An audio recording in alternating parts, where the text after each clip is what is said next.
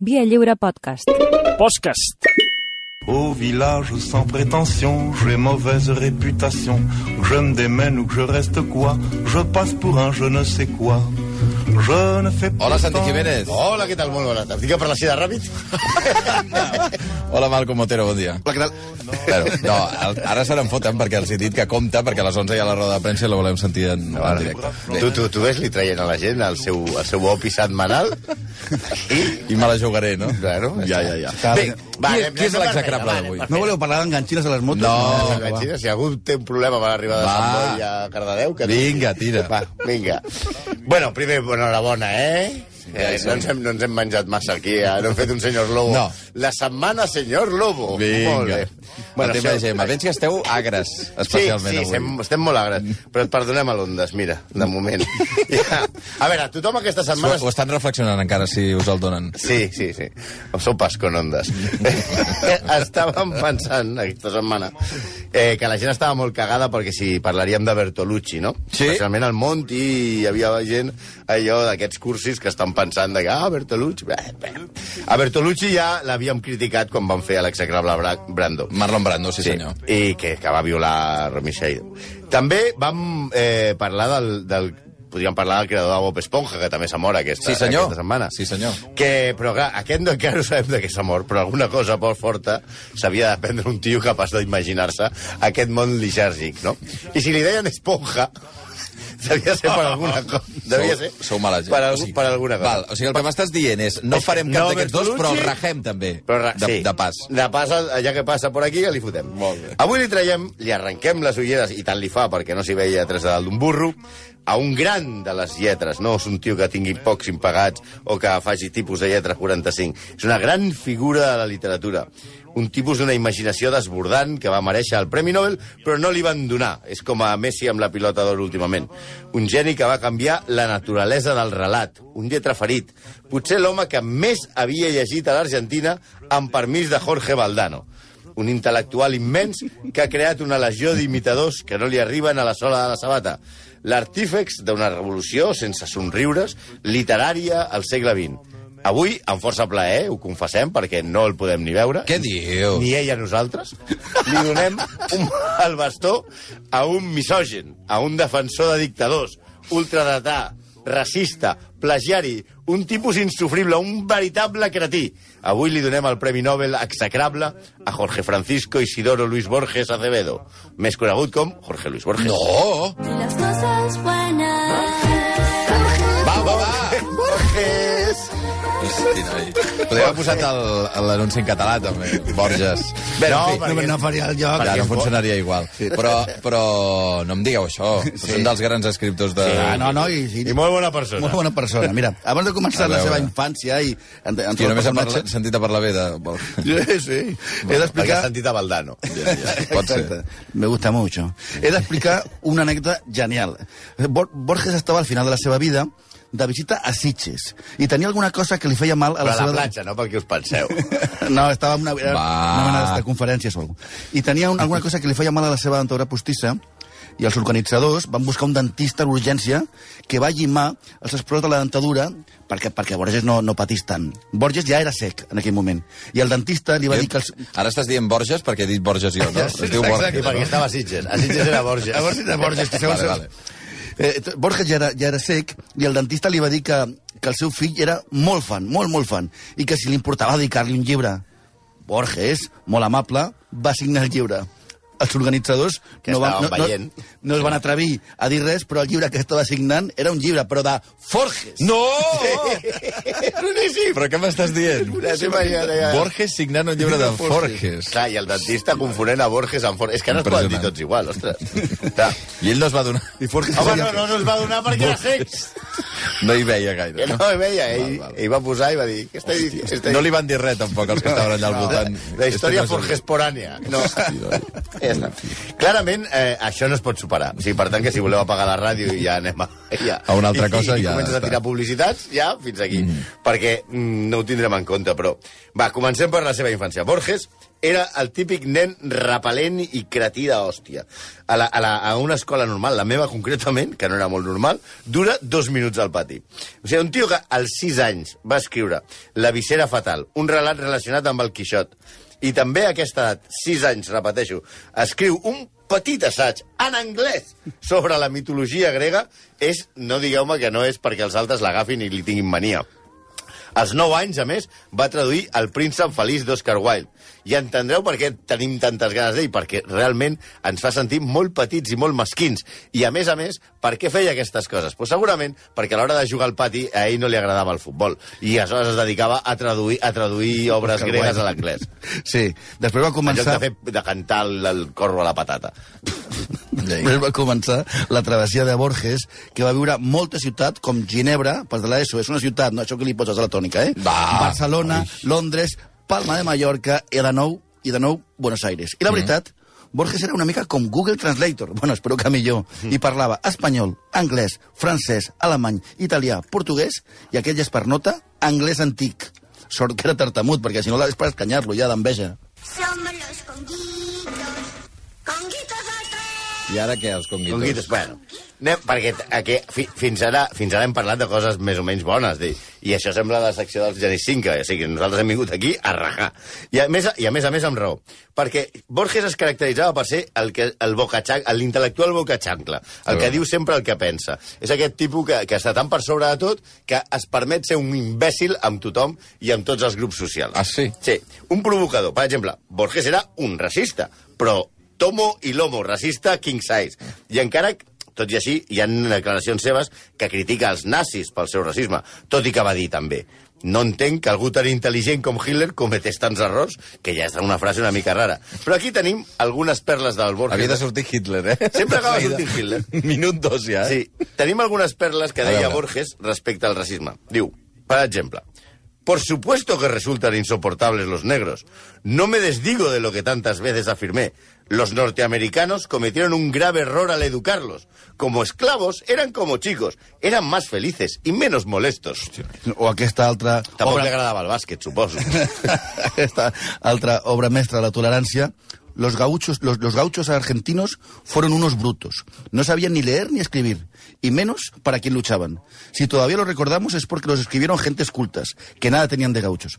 La ironia és que ell va viure bastant, va escriure bastant sobre els, sobre els gauchos, fins i tot algun poema. I com hi ha tanta gent escrivint sobre Borges, perquè és un mite, hi ha fins i tot diversos llibres de la figura del gaucho a la literatura de Borges. Sí, imagina't, llibres de poemes de, de, de gauchos és el, el que més ve de gust llegir-me. Va, Sí, quina va, mania li teniu, tu. Aqu Ja. Aquesta és amb, amb sanya. Però espera't, espera't una mica. Diu, però el pitjor de tot era la mania que li tenia als bascos. Borges, que a més a més tenia, tenia sang basca, va dir coses com això. O sea, anda que si te pilla Javi Clemente y Arzayus. Mira, va dir això, Borges. Yo no entiendo cómo alguien puede sentirse orgulloso de ser vasco. Los vascos me parecen más inservibles que los negros. Y fíjese que los negros no han servido para otra cosa que para ser esclavos. Se habla de la voluntad vasca, de la terquedad vasca. ¿Y para qué les ha servido?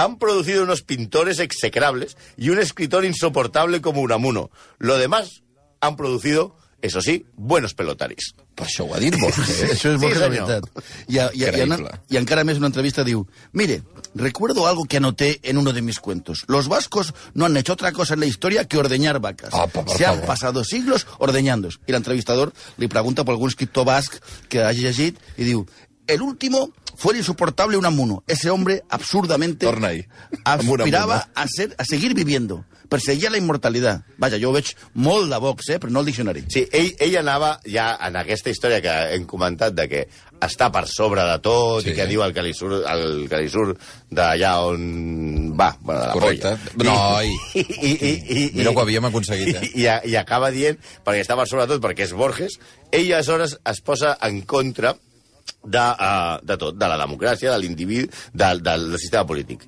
Ell, pensa, ell es feia dir un anarquista individualista. Ell deia, yo creo en el individuo. descreo del Estado.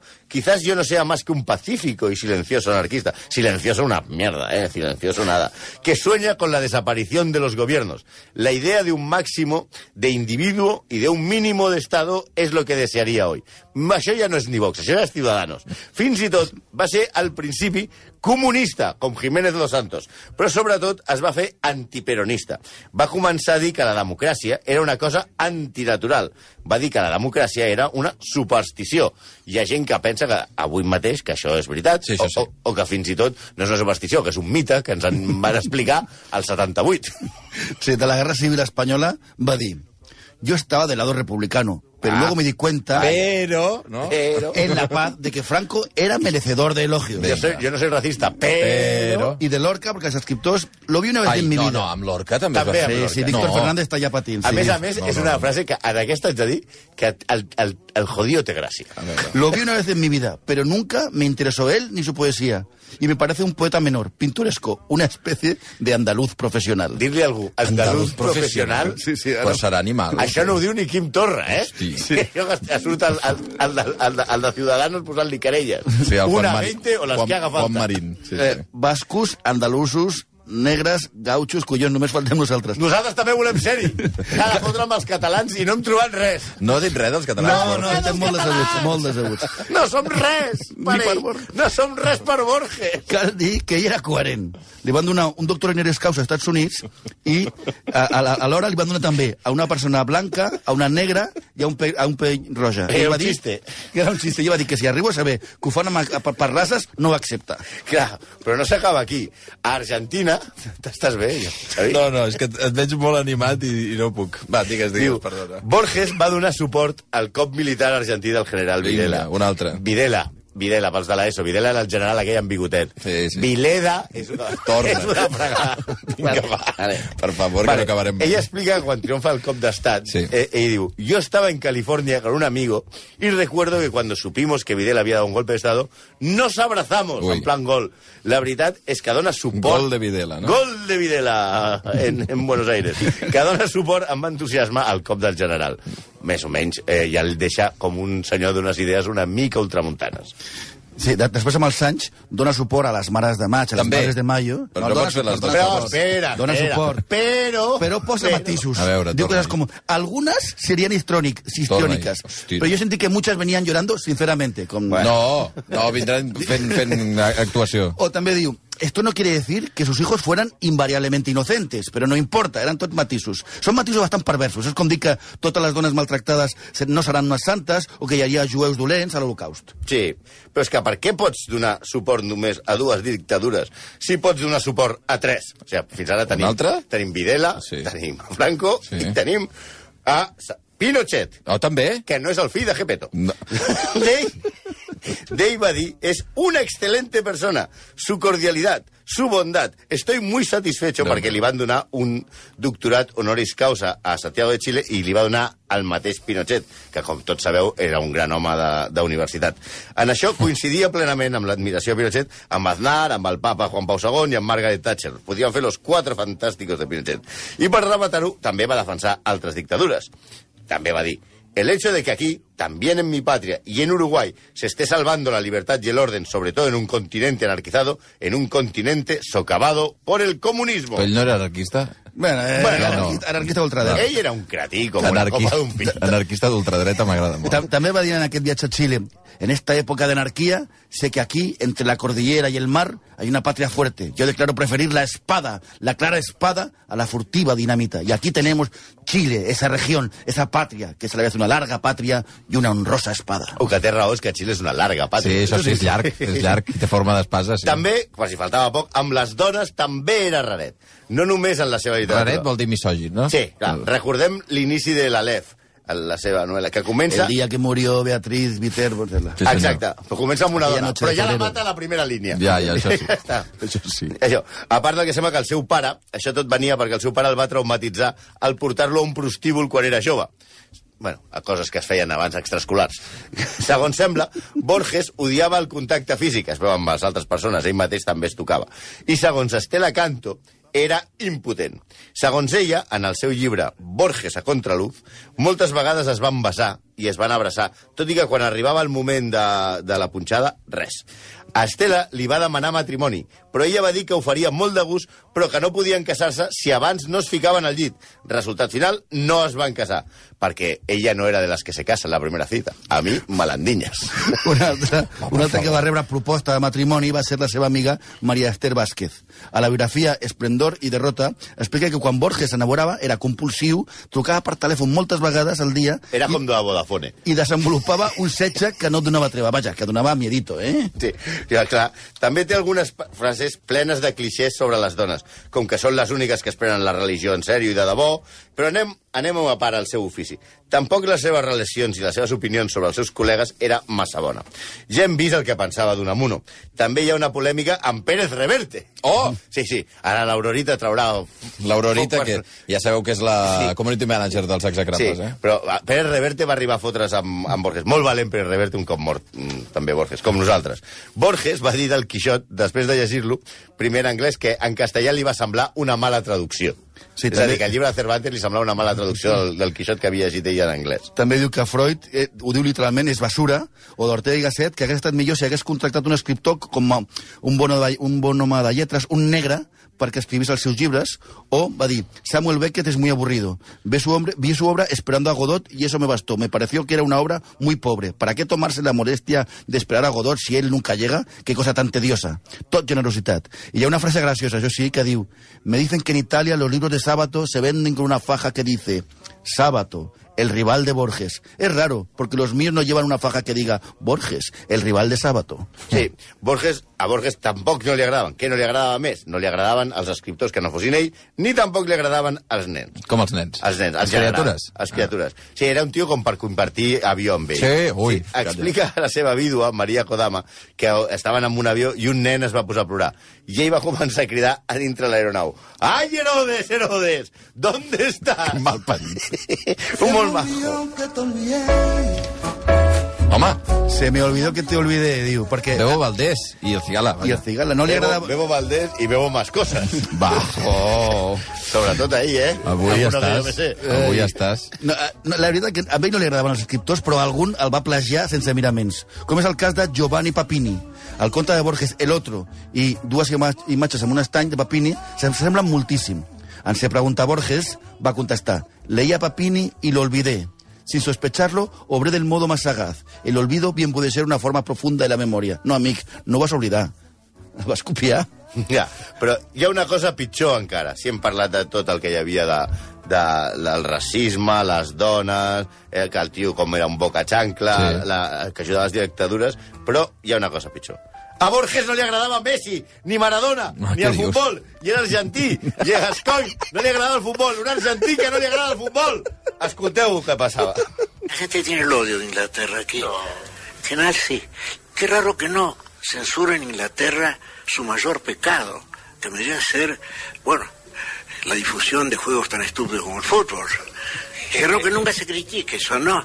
Y que y el fútbol fue, como usted sabe quizá, bueno, fue, fue, bueno, severamente condenado por Kipling y, y, y, y por y, y por Shakespeare Hamlet. És, és, és el que faltava. No m'ho puc Jo, creure. jo no em veig a Shakespeare i a Kipling dient és que no s'obren per les bandes, hòsties, que no puixes.